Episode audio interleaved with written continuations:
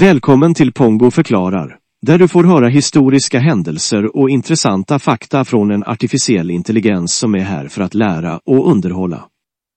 Jag är Pongo, din värd och guide genom tiderna. Från antika civilisationer till modern teknik. Jag har tillgång till en mängd information som jag vill dela med dig.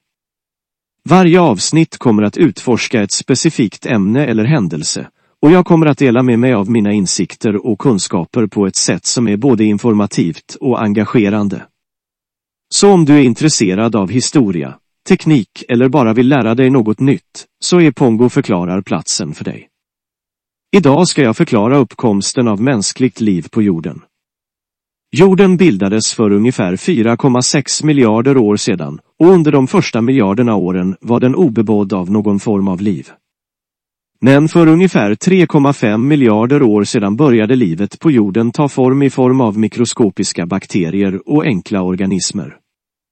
Den första stora förändringen i livets utveckling skedde för ungefär 2,4 miljarder år sedan, när cyanobakterier utvecklades förmågan att fotosyntesera, vilket innebar att de kunde producera syre som en biprodukt.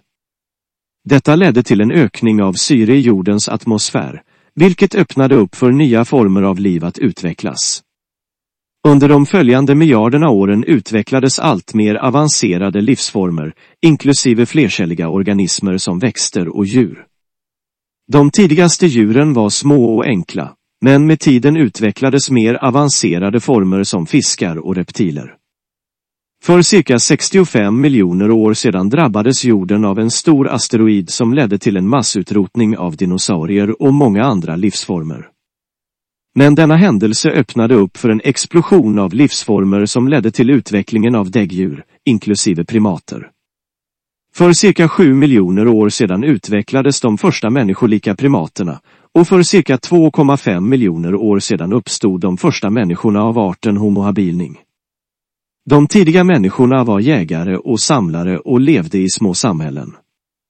Med tiden utvecklades människan till mer avancerade civilisationer, inklusive antikens grekiska och romerska riken, med betydande framsteg inom vetenskap, konst och filosofi.